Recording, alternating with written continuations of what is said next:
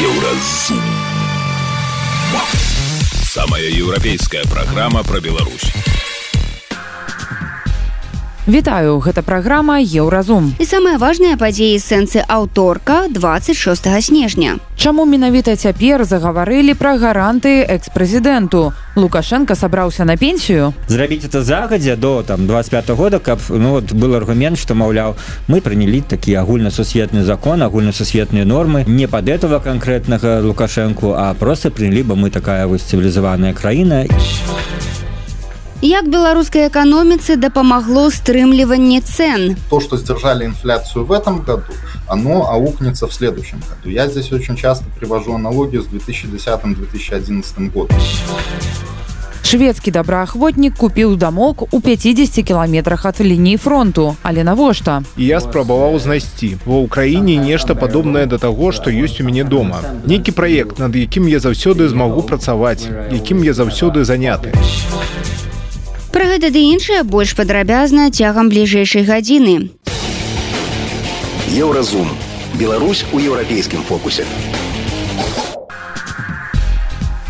Беларусаў хлебам не кармі, а дай пасварыцца з бліжнім. З суседам па доме ці кватэры, з калегам па працы ці апанентам па палітычных поглядах. Беларускія дэмсілы, здаецца, у 23 годзе сапраўды з гэтым справіліся. Бясконцыя абвінавачванне ў прамаскоўскасці, агентуры, любові да грошай, хайпе і гэты спіс можна працягваць. Чым адметныя сёлетнія скандалы і інтрыгі ў шэрагах дэмсіл і наколькі такі працэс натуральны актуальныя. Пра гэта ў эфіры еўрарадыо наш рэдактар змісер Лукашук пагутарыў з палітычным аглядальнікам віталём цыганковым. Ну па шчырасці нармальнага я тут мала бачу, то бок ёсць рэчы, якія яны аб'ектыўныя рэалістычна існуюць, але не значыць, што мы іх успрымаем як радасныя нармальны рэчнок, скажу такой банальнай аналогію надвор'е. там віленская ці менская ці варшавская прыблізна падобная такі каля нуля, як это кажуць дождж гэта ёсць на наўрад ці многім з нас это падабаецца 6 месяцаў такая полузіма нам э, лепш нармальная зіма снежная ці там нормальное лето. Ну карацей сэнс тым что есть рэчы якія может быть нам не падабаюцца на зіме нічого не зробіш і вось калі уже казаць про прогнозы то памятаю адразу пасля их я называю з'езда ну от першого з'езда тихохановска в жніўні 22 -го года калі был стороны кабінет я тады на фоне там ну такого агульного захаплення вынікам з'езда я писал такі тэкст что что мне рабіла тихохановская ее крытыка з розных бакоў будзе павялічваць павялічвацца і нейкія рэчы в тым ліку Мачыма є нейкая папулярнасць которую ну цяжка вымераць але таксама Мачыма будзе трошки зніжацца. Гэта аб'ектыўная рэч с аддаленнем ад вось падзею 20 з аддаленнем ад того что ты ж дасюль не скіла нам лукашенко то засунамся любіць. Гэта ёсць. Але то что ты спытал Ну я за тебе прогаласаваў а ты мне не перамагла лукашенко. Ну да да. Ты кажаш менавіта про канкрэтных ну скажем людзей канкрэтных асобам не прызнаюся. Калі читаю читаю некаторых там дзячо якіх ты назвала іншых і некаторыя там телеграм-каналы якія нібыта апозіцыйныя але нічым не адрозніваюцца ад жоўтых сліваў то мне вот часам ну при тым что я не люблю там нейкія канспіралагічныя там тэорыі хотя ну гэта заўсёды трэба лічваць часам просто на захадзе называюць канспіролагамі тых хто выказвае нейкія непаліткарэктныя рэчы альбо рэчы якія адрозніваюцца ад мейнстрима таму трэба асцярожна ставіцца такіх абвінавачанняў. Ну але часам ну, сапраўды думаешь ну няўжо людзі это добраахвотна вот даюць все сваё жыццё зараз вот калі я там в телеграм-канале сваім раз на три дні на 5 дзён так сказать нешта поставлю нейкі допіс то они там в день по 20 допісаў на тэму якая так сказать кепская тихохановская все вакол там ці левончик ці стрыжак там ці кавалевскі ці латушка. І гэта нібыта не заранака забыў галоўнага ну, ранак это уже банальна да? ну да. І, і гэта э, цэлымі днямі і нібыта незалежныя телеграм-каналы гэтым займаюцца. Думаю ну адкуль у тебя столькі часу і натхнення Няўжо сапраўды тебе ніхто не зацікаўлены каб ты это рабіл? Бо уявіць себе что чалавек вот альбо ён ну просто ну я абстрактна кажу псіхічна спецыфічны гэты чалавек ну альбо на зарплату. Ну вот менавіта якія яшчэ могуць быць пры прыходзіць думкі калі такое ідзе пры тым что ім гэта прынесе вот это змаганне зацяты Ну разумею нейкія там мінусы можа ёсць ты спрачайся можна э, крытычна ставіцца можна даволі задаваць востры добрые там ці патрэбныя пытанні як там ты задавал в апошнім добрым і надо ж пахваліць ведучыва добрым інтэрв'ю э, сціхановскай. Э, гэта не азначае что трэба хаміць і пастаянна даваць нейкія фейкі пастаянна клініцца на чымсьці. То бок маё пытанне для мяне адкрытае. Ці гэтат накат ну сапраўды гэта раз дорага ёсць? Аб'ектыўна чаму это часткова аб'ектыўна? Зноў таки я пісал один тэкст чым жа год назад что э, не то что беларуская реальнасць это вокалі законы палітыкі але тым больш что беларуская реальнасць что калі аддаляецца перспектыва нейкай ну дасягнення нейкай мэты альбо перамогі люди пачынаюць паміж собой сварыць гэта заўсёды ну так ці иначе на некаторых выборах э, удавалася аб'ядноўвацца в адзіны кандыдат як там 2001 годзе там кепска ці добра але ўдавалася з ганчарикам 2006 годзе с меленкевичем А калі не было ніякай веры в канчатковую там перамогу 2010 год было 10 кандыдатаў Вось 2015 год таксама не было веры был такі кандыдат ну як э, караткевич татьяна которая ну ніхто не успрымал сур'ёж на сур'ёз змагаецца Вось э, то бок э, такая вот ёсць закономернасць і як толькі ну сапраўды быў двадцатый год ну не было ж такой незацятай крытыкі не такога раздору. Все былі адзіныя нават калі один аднаго можа быть не любілі праз зубы там ці потым дзе-небудзь за кулісамі гаварылі непрыемныя речы але публічна ніхто это не агучваў это было некалькі ну что месяцаў можа быть полгода год. І нават помните русская пазіцыя нам саздросціла ва ўсім вот такія беларусы аб'яднаны якія яны лапочки коцікі яны не сварыцца яны дасягаюць адной мэты і зараз мы гэта э, ну нашу адметнасць наш плюс безумоўна губляем э, Вось на фоне того. З іншого боку э, это ж такое белы шум інфармацыйны то бок вот колькасць людзей якія вот это всем займаюцца она может быть не такая великая но яны ствараюць даволі вялікі шум не палітычная вага. Ну скажем калі вы ж вы назвали так ли ты назвал там цыпкалу там ці не знаю ну кого можно был конца назвать не такая ж великая паглядзець там нейкіе наведванні того ж цыпкала телеграм-канала ці твиттера там как бы даволі сціпла скажем там пару сотен пару тысяч. І і і і, і той же там что я описываю телеграм-канал который мацікаю всіх дэмакратаў таксама там некалькі тысяч тысяч. Але шума яны ствараюць шмат і такое ўражанне что все там вакул усіх грызуцца один аднаго кусаюць. На самой справе это даволі калі вот аптымізм в этом шукаць это даволі невялікая колькасць людзей якія на этом ну реально неяк зацыклены это реально вот у іх уже адзіная мэта жыцця стала. Вот это мяне как бы ўражвае шчыра кажучы. а Ну але тым не менш крытыкаваць калі ёсць за што да. заўсёды варта і трэба тому что не варта супакойвацца не тым хто лічыць себе палітыкам Ну і безумоўна журналістам трэба таксама ну как бы ну, выконваць ну умоўно скажем канструктыўнай крытыкі зараз Ну калі даволі шмат розных людзей ідзе в гэтую коорднацыйную раду. Рэч якая ну як показваюць нейкія вынікі там эфіраў не так уж много выклікае на жаль цікавасці у людзей на это мало слухаць мало клікаюць але это важная рэч сапраўды. І там-то якраз лезуць люди туды ну прыходзяць лезуць ну прапановваюць себе вылучаюцца. Хто ну будзе скажем і ўжо крытыкую там і кабінет пераходны асобных ее ціго членаў і на саму ціхановскую там. Ну гэта ну то что можна умоўна назваць в пэўнай ступені канструктыўная крытыка. Чалавек ідзе палітыку бярэ на себе частку адказнасці калі ён ідзе коорднацыйную раду так званы наш протапарламент. І гэта якраз то нормально як бы она не гучала. То бок ён в этом протапарламенце коорднацыйнай радзе будзе прапановваць нейкія конструктыўныя прапановы там варианты резолюцыі варианты там іншай стратегії это то что заўсёды людям кажуць ну калі ты там крытыкуешь скажи что ўзамен скажи як э, замен дзейнічаць Вось тут ёсць такі днямі уступілі ў сілу папраўкі ў закон аб прэзідэнце Рэспублікі Беларусі дзе апроч іншага ёсць гарантыі для экс-прэзідэнта які ў 19 годзе лабіравала тады яшчэ дэпутатка Ганна канапацкая. Што адбываецца? Няўжо лукашенко сабраўся на пенсію? Працягваюць змейсер лукашук і віталь цыганкоў. Тады гэты законапраект які яна прапанавала так недзе і завіс захраз у сутарэннях палаты прадстаўнікоў. І вось нарэшце я яго прынялі у 23 годзе праз 5 гадоў пасля таго як яна ініцыявала гэты працэс проект Чаму? Такая патрэба менавіта зараз?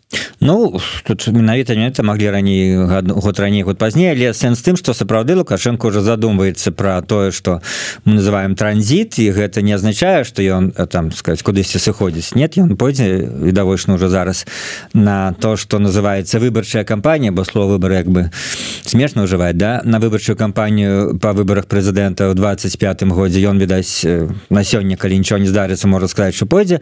Але ну вот загадзя ўжо такі закон прымаюць каб ну подсцеліць саломку. З іншого боку я б сказаў что калі не браць нашу конкретную сітуацыю конкретную гэтую асобу с конкретным прозвішчам то сам по себе закон ён такі дастаткова ну як бы сказать нормальный там ці, ці спокойны так. То что во многих краінах такие законы ёсць приблизно подобные конечно в демократычных таких больш ліберальных краінах прынципе меньше ну скажем привілей полномоцтвы у Э, былога прэзідэнта але вот з краінах з прэзідэнцкай моцнай уладай то в прынципе даволі падобная вот першае это то что становіцца там сенатарам но гэта гэта якраз любілі все вот пеначет ён это любіла сышоў ад улады ён стаў сенатарам пажыццёвым але это не перашкодзіла ему потрапіць под суд калі там іспанскі суддзя супраціво узбудзіл вот паводле той самой міжнароднай юрысдыкцыі узбудзіл супраціво крымінальную справу гэта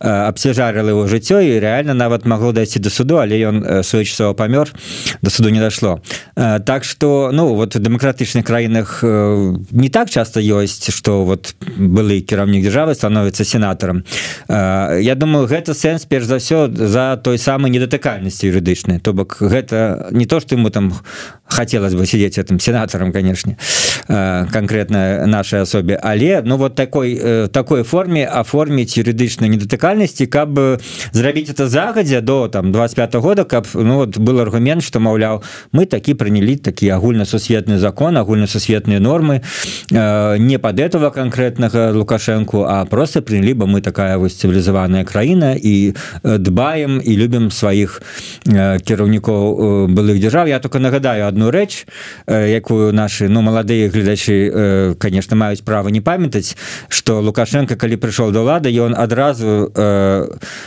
ну ёсць же такое паняцце як персанальныя пенсіі э, было савецкага часу захавалася незалежнай беларусі вот калі былым ну высокім чыноўнікам акрамя звычайнай пенсіі положена яшчэ такія ну персанальныя там прэм'ер-міністру і так далей э, так вот лукашенко індывідуальна абрэзаў пенсію былому фактычна кіраўніку дзяржавы это был старшыня верховна света станіслав станіславович шушкевич который было палітычным апанентам бо ён был дэмакрат і ліберал. І шушкевич не раз сваіх інтэрв'ю распавядаў что его пенсія зараз складаецца там два даляры Ну ён зарабляў так сказать э, лекцыямі ў розных краінах свету іншай дзейнасцю але гэта вось было зроблена что его пенсія там была зафіксавана нейкая лічба которую інфляцыя там і безмежныя наши э, дэвальвацыі рубля з'елі і вот на ўзроўні такой маленькой вот просто матэрыяльнай помсты лукашенко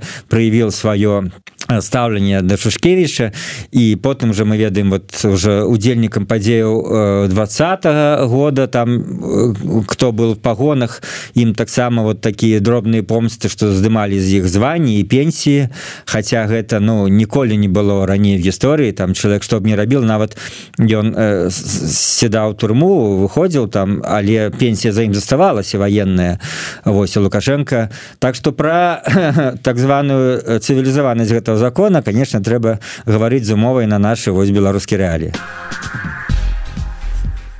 палітычны аглядальнік віталь цыганкоў распавёў навошта менавіта цяпер улады загаварылі пра гарантыі для экс-прэзідэнта. І ці нармальна гэта што апазіцыя увесь час сварыцца паміж сабой. Еўрарадыё кропка фм у Далей у праграме еўразум. Як беларускай эканоміцы дапамагло стрымліванне коштаў. То, что сдержали инфляцию в этом году, оно аукнется в следующем году. Я здесь очень часто привожу аналогию с 2010-2011 годом. Шведскі добраахвотнік купіў дамок у 50 кіламетрах ад лініі фронту. Але навошта я спрабаваў знайсці ва ўкраіне нешта падобнае да таго што ёсць у мяне дома. Нейкі праект над якім я заўсёды змагу працаваць якім я заўсёды заняты. Сустрэнемся пасля навінаў спорту. Еўразум. Беларусь у еўрапейскім фокусе.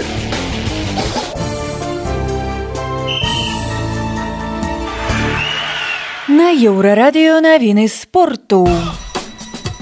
Кубкі Беларусі па валейболе выйгралі мінчанка і шахцёр. Для сталічнай каманды гэта дзявяты трафей для салігорскай шосты.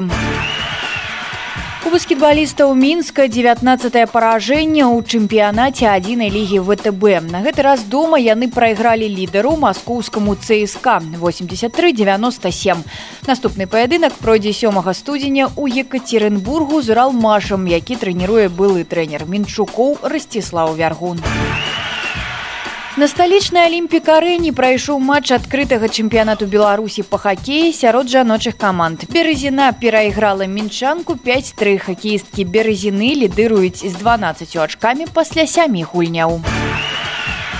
Беларусь дзеліць сербіі другое трэцяе месцы па колькасці легіянераў у футбольнай расійскай прэм'ер-лізе. Іх па 12 чалавек а лідыруе бразілія. 21 футбаліст УЕФА апублікаваў абноўлены рэйтынг клубных асацыяцый. Беларусь размяшчаецца на 49 месцы з 55 еўрапейскіх чэмпіянатаў. Гэта на 9 пазіцый ніжэй, чым летась. Рэйтынг складаецца па выніках выступленняў клубаў у еўракубках. У галоўнага трэнера футбольнага гродзенскага нёмана ігора кавалевіча 20 тысяч долараў штрафаў. Пра гэта ён распавёў у інтэрв'ю тэлеканалу Беларусь 5. Кавалевіч захаваў усе дакументы пра аплату штрафаў за ўсю сваю доўгую трэнерскую кар'еру. Сёлета ён быў прызнаны найлепшым трэнерам Беларусі. Гэта былі навіны спорту на еўрарадыё. Заставайцеся з намі. Еўрарадыё моц настрою. У 2023 годзе беларусы назіралі за сваім любімым серыялам беларускі рубель і долар. Долар дасягаў свайго гістарычнага максімуму, потым падаў, потым зноў узлятаў, а беларусы думалі, што рабіць, бегчы закупацца ці здаваць. Увогуле да кастрычніка Нацбанк называў грамадзян пастаўшчыкамі валюты ў банкі. Замежныя грошы здавалі, а вось напрыканцы года зноў пачалі купляць. Эканамісты не выключаюць чарговай дэвальвацыі і кажуць, што звычайна людзі гэта адчуваюць інтуітыўна. Эксперты ўжо фіксуюць дэвальвацыю рубля на ўзроўні 20соткаў. Наколькі такое падзенне нацыянальнай валюты гэта норма тлумачыць эканаміст і старшы навуковы супрацоўнік бюрока Дмітрый Круг. Ён стаў гостем YouTube канала «Обычное утро». Смотря какие критерии мы используем. То есть, если классические критерии, которые во многих странах э, используют для того, чтобы сказать, там, насколько устойчиво, стабильна валюта в течение года, безусловно, это много. Это чрезмерные колебания. В нашей, опять-таки, ситуации это, я бы сказал, еще далеко не самый худший вариант. После 22 года, вот я э, после начала войны имею в виду. А, я неоднократно заявлял такой тезис, что белорусский рубль утратил берега. Что я имею в виду? А, что экспорт, он сегодня настолько неустойчив, он держится почти на соломин. Там то, что смогли восстановить экспорт нефтепродуктов, калийных удобрений, там это все подпирают очень ненадежные логистические схемы и, по сути, договоренности политические с Россией, чтобы в этом помогали. И вот если этого экспорта, другого экспорта, который в России идет, а, не будет, а он, повторюсь, он на соломинке висит, он очень-очень неустойчив, то с рублем может быть принципиально другая картина. А, поэтому вот после начала войны а, потенциальный диапазон колебаний белорусского рубля очень велик. А плюс сюда еще последний год мы это очень явно увидели, добавляется схожая ситуация с кавычкой утратой берегов а, с Россией, то есть с российским рублем. Ну, все видели скачки российского рубля, там как российские экономисты говорят, Э, о феномене так называемого офшорного рынка, когда огромное количество денег ушло из России и, по сути, торгуется за рубежом, и тоже любое дуновение ветра может этот российский рубль привести к огромным колебаниям, а они за счет зависимости торговой, и не только торговой Беларуси от России, тоже передаются на Беларусь. Поэтому, резюмируя, как посмотреть, то есть исходя из реальности, это, повторюсь, не так много, как могло было быть, угу. и вот такие штормы впереди, они вполне вероятны. Но по классическим критериям даже это очень Днямі амерыканскі штотыднёвік The Wall Street Journal назваў Пуціна геапалітычным пераможцам года. Маўляў, цяпер ягоныя пазіцыі мацнейшыя за тыя, якія былі годам раней, за тое, што спыніў контрнаступ Украіны, а расійская эканоміка пайшла ў гару, нягледзячы на санкцыі. Ці ўсё так сапраўды вясёлкава за расійскай эканомікай і як гэты поспех адбіваецца на эканоміцы беларускай, працягвае Дмітрый Крук. Я бы сказал, что много ума не надо на фоне э, чрезмерно высоких цен на энергоносители, той подушки безопасности, которая в 22-м особенно была накоплена, когда цены и на газ, и на нефть скакнули до небес, а еще снижение потребления из Европы, из других э, развитых стран, оно еще не было, то есть санкции там и потолок цен на нефть, это все позже было введено. То есть, пользуясь этой подушкой безопасности, поддерживать экономики на плаву, а то, что происходит в России, это не что иное, как поддержание экономики на плаву. Э, это самый лучший диагноз, вот, который можно переписать э, российской экономике.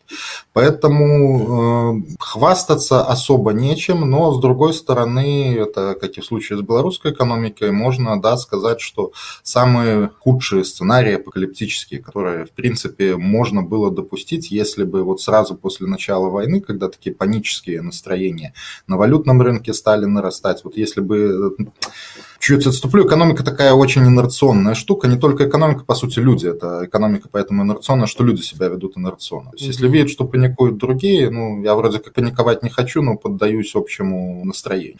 Вот если бы на вот эта динамика марта-апреля 22 года, она так пошла по нарастающей, можно было бы допустить, да, и были, э, была вероятность того, что в России э, финансовая дестабилизация пойдет по нарастающей. Но, опять-таки, задействовать задействовали резервы, которые были, нашли инструменты директивные. А, говорит, что это какой-то сверхгениальный план, ну нет, абсолютно нет. Поэтому я бы сказал, что в лучшем случае можно похвастаться локальным успехом, а вот на таком, а, если переподняться на текущим моментом, а, на более высоком уровне обобщенности, ну, российская экономика, она стагнирует, люди как минимум не богатеют, а многие беднеют, идет утрата человеческого капитала, даже те резервы, которые у них были, они истощаются, перспективы развития их отраслей на наиболее важных для них, я имею в виду там те же самые а, нефтеперерабатывающие, нефтедобывающие отрасли, они за счет недоступности импорта очень сильно ухудшаются, там условно, ну, яркий пример авиаперевозки, угу. вновь-таки за счет недоступности технологий сталкиваются с огромными э, вызовами, то есть не хватает запчастей, постоянные аварии, проблемы. Можно ли назвать это успехом? Как по мне, нет. Поэтому еще раз резюмирую, в лучшем случае можно хвалиться каким-то локальным успехом, и опять-таки смотря с чем сравнивать. То есть если с температурой 36,6, ну, это очень от нее далеко. Но то, что не стало 39, ну, можно, да, можно сказать классно.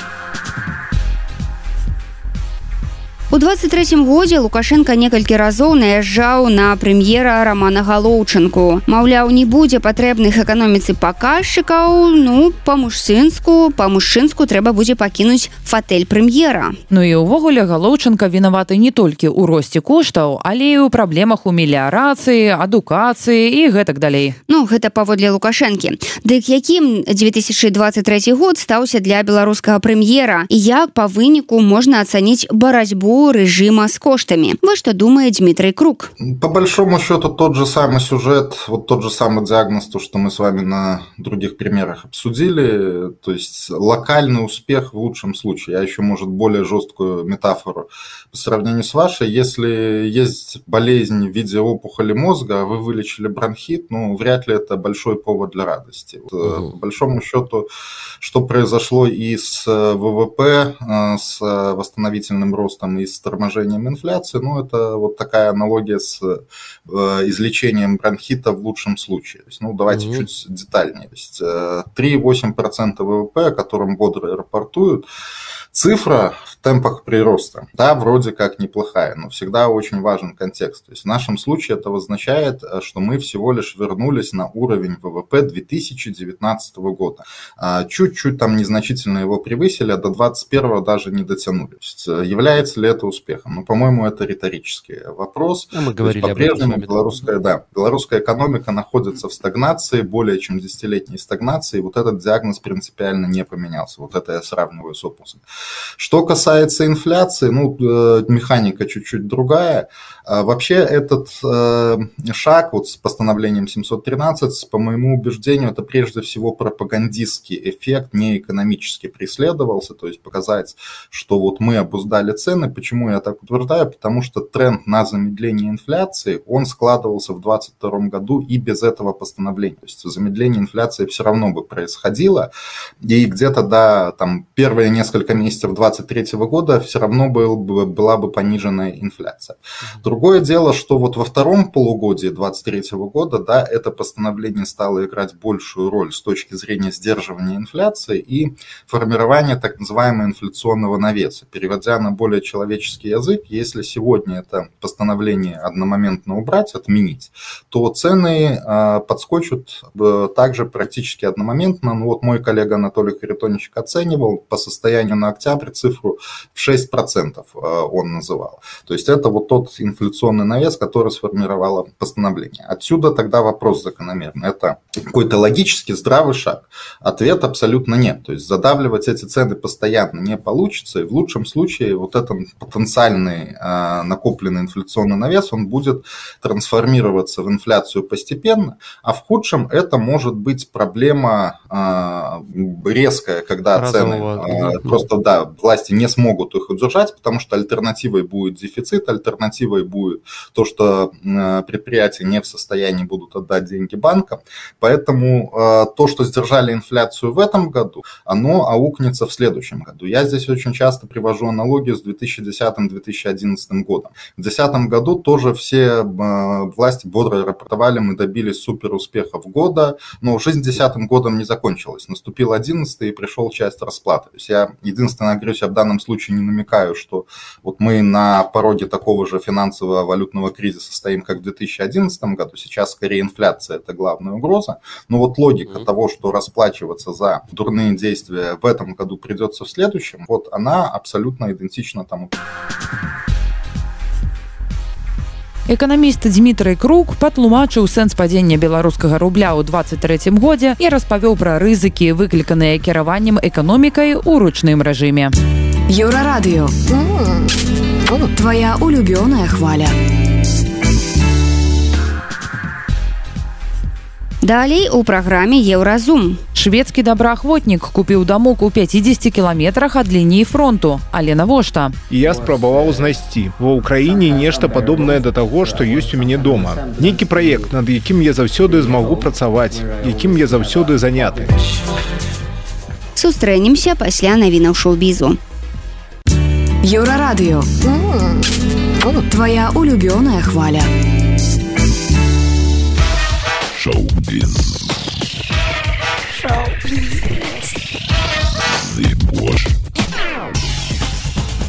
Вітаю гэта навіны шоу-бізу каляднай вакацыі хью джекмана маглі пайсці не па плане выканаўцы ролі расамахі з коміксаў пра людзей x сваімі паводзінамі прыцягнуў увагу ахоўніка ў ракфелер цэнтры і нават атрымаў ад яго папярэджанне акцёр які прыехаў у нью-йорк на час канікулаў наведаў знакаміты офісны цэнтр каб палюбавацца на традыцыйную калядную ёлку. У сацыяльных сетках ён выказаў захапленне святочным дрэвам парэкамендаваўшы сваім прыхільнікам пастарацца прыйсці ў ракфелер цэнтр крыху раней пакуль не так шматлюдна. Адразу ж пасля гэтага акцёр прызнаўся што атрымаў папярэджанне ад прадстаўніка службы бяспекі ў сувязі з тым што падышоў да ёлкі вельмі блізка. Але ён быў ветлівым і адпусціў мяне просто зрабіўшы за ўвагу. Ух напісаў акцёр Духу раства не ўдалося паўналадна завалодаць розумамі і сэрцамі падпісчыкаў Netflix у калядны уикенд і саступіць пад напорам фільма зака снайдера. Мяцежны месяц. Частка адзін. Дзіця агню па апублікаваным у панядзелак абноўленым спісе самых папулярных фільмаў стрымінгу сярод якіх палова калядных ніводнаму не ўдалося пацясніць з першага месца новы хіт Netflix. Прэм'ера фільма мяцежны месяц частка адзін дзіця агню, які з'яўляецца першай часткай дылогіі, адбылася на Netflix 21 снежня і навукова-фантастычная карціна імгненна ўзляцела на верхні радок чартаў стрымінгу. У Москве ўзяты пад варту удзельнік серыяла слова пацана. Кроў на асфальце сцвярджаецца што акцёр Сергей базанаў які сыграў ролю удзельніка адной з крымінальных груповак дзяміда арыштаваны па абвінавачванню датычнасці да забойства з карыслівых памкненняў следства мяркуе што злачынства было ўчынена групай злачынцаў яшчэ ў 2011 акцёр будзе знаходзіцца ў сеза до конца лютага 2024 гэта былі навіны шоу-бізу. Заставайцеся на хвалях еўрарадыё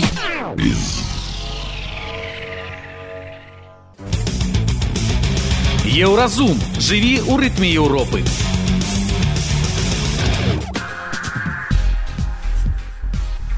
У вайне рассіі з украінай за апошнюю б'юцца добраахвотнікі з розных краін свету. Інтэрнацыянальны легіён налічвае тысячы чалавек, але дакладная колькасць байцоў не агучваецца ў мэтах бяспекі. У мінабароны ўкраіны кажуць, што частка замежнікаў займаецца камунікацыйнымі ці аналітычнымі задачамі. У той жа час сярод іх ёсць прафесійныя вайскоўцы, якія выконваюць звыш складаныя заданні ў гарачых кропках. Ва ўсіх іх ёсць свае прычыны ваяваць за ўкраіну, а некаторыя настолькі пранікаюцца гэтай краінай яе жыхарамі, што вырашаюць пусціць тут карані. Раўта шведскі добраахвотнік. Ён ваюе ва ўкраіне ў складзе другога інтэрнацыянальнага легіёна. І цяпер у харкаўскай вобласці ёсць месца, куды ён будзе вяртацца, каб апісваць у дзённіках, што здарылася з ім на нулі. Гісторыя раўты ў рэпартажы еўрарадыё.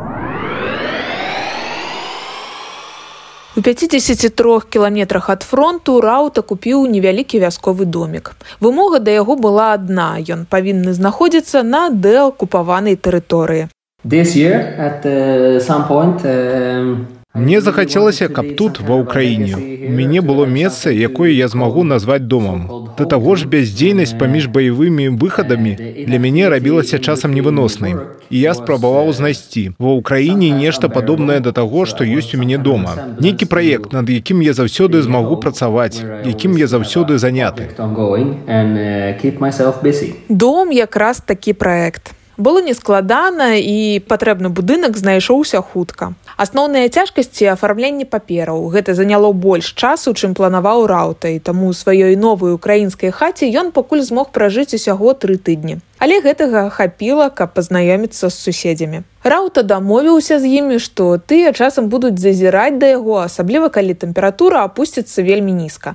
Правяраць ці не замерзлі трубы і газавы балон ці не прыходзілі няпрошаныя госці часам новыя суседзі карыстаюцца онлайн-перакладчыкамі а часам просто гавораць і неяк само сабой атрымліваецца што шведы украінцы разумеюць адзін аднаго калі побач няма ні перакладчыкаў ні ангельскамоўных суседзяў мова вучыцца хутчэй. Украінскую раўта разумее ўжо лепей чым рускую. Прыкладам гарна для яго зразумелае слова а красіва незнаёмая да таго як прыехаць на вайну ва ўкраіну шведскі добраахвотнік ваяваў у афганістане і камунікацыя з мясцовымі жыхарамі там была зусім іншай.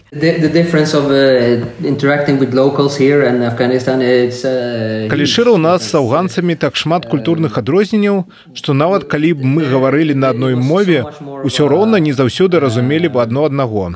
Адрозніваецца ўсё рэлігія лад жыцця. Адрозніваецца нават тое як мы думаем. Тут ва ўкраіне ўсе вельмі добразычлівыя. Спрабуюць дапамагчы ўсім чым могуць. Я не сустракаў па прарасійску настроеных людзей. Імаверна яны ёсць просто ў мяне няма досведу зносін з імі. Усе каго я сустракаў вельмі нас падтрымлівалі гасціннасць просто неверагодная ты ўсюды дарагі госць з якімі праблемамі ты не сутыкаўся мясцовыя заўсёды спыняюцца прапануюць дапамогу калі ў іх ёсць карова яны прапануюць свежага малака калі яны толькі што нешта прыгатавалі прыходзяць цябе пачаставаць і ў выніку ты ўсё больш адчуваеш цябе як дома ведаеце што кранае мяне асабліва. Ты праязджаеш у вёску і гэта апошняя вёска на шляху да лініі фронту. До нуля усяго 5 кіламетраў засталося і бачыш як жывуць мясцовыя жыхары. Яны выходзяць з дому яны гатуюць нармальную ежу. Так там няма электрычнасці але ў іх ёсць дрывяныя печы. Яны стрыгуць траву каля дома калі ў іх няма генератары яны могуць выкарыстоўваць бензінавую газонакасілку. І ты думаешь а ты б як сябе паводзіў? Гэтак жа паміж артылерыйскімі абстрэламі гэта дзівосная устойлівасць у іх ёсць падвалы. Падчас абстрэлаў яны могуць хавацца там. Хоць паводле маіх назіранняў не робіць гэтага у іх ёсць запасы ежы на месяцы у іх ёсць калодзежы.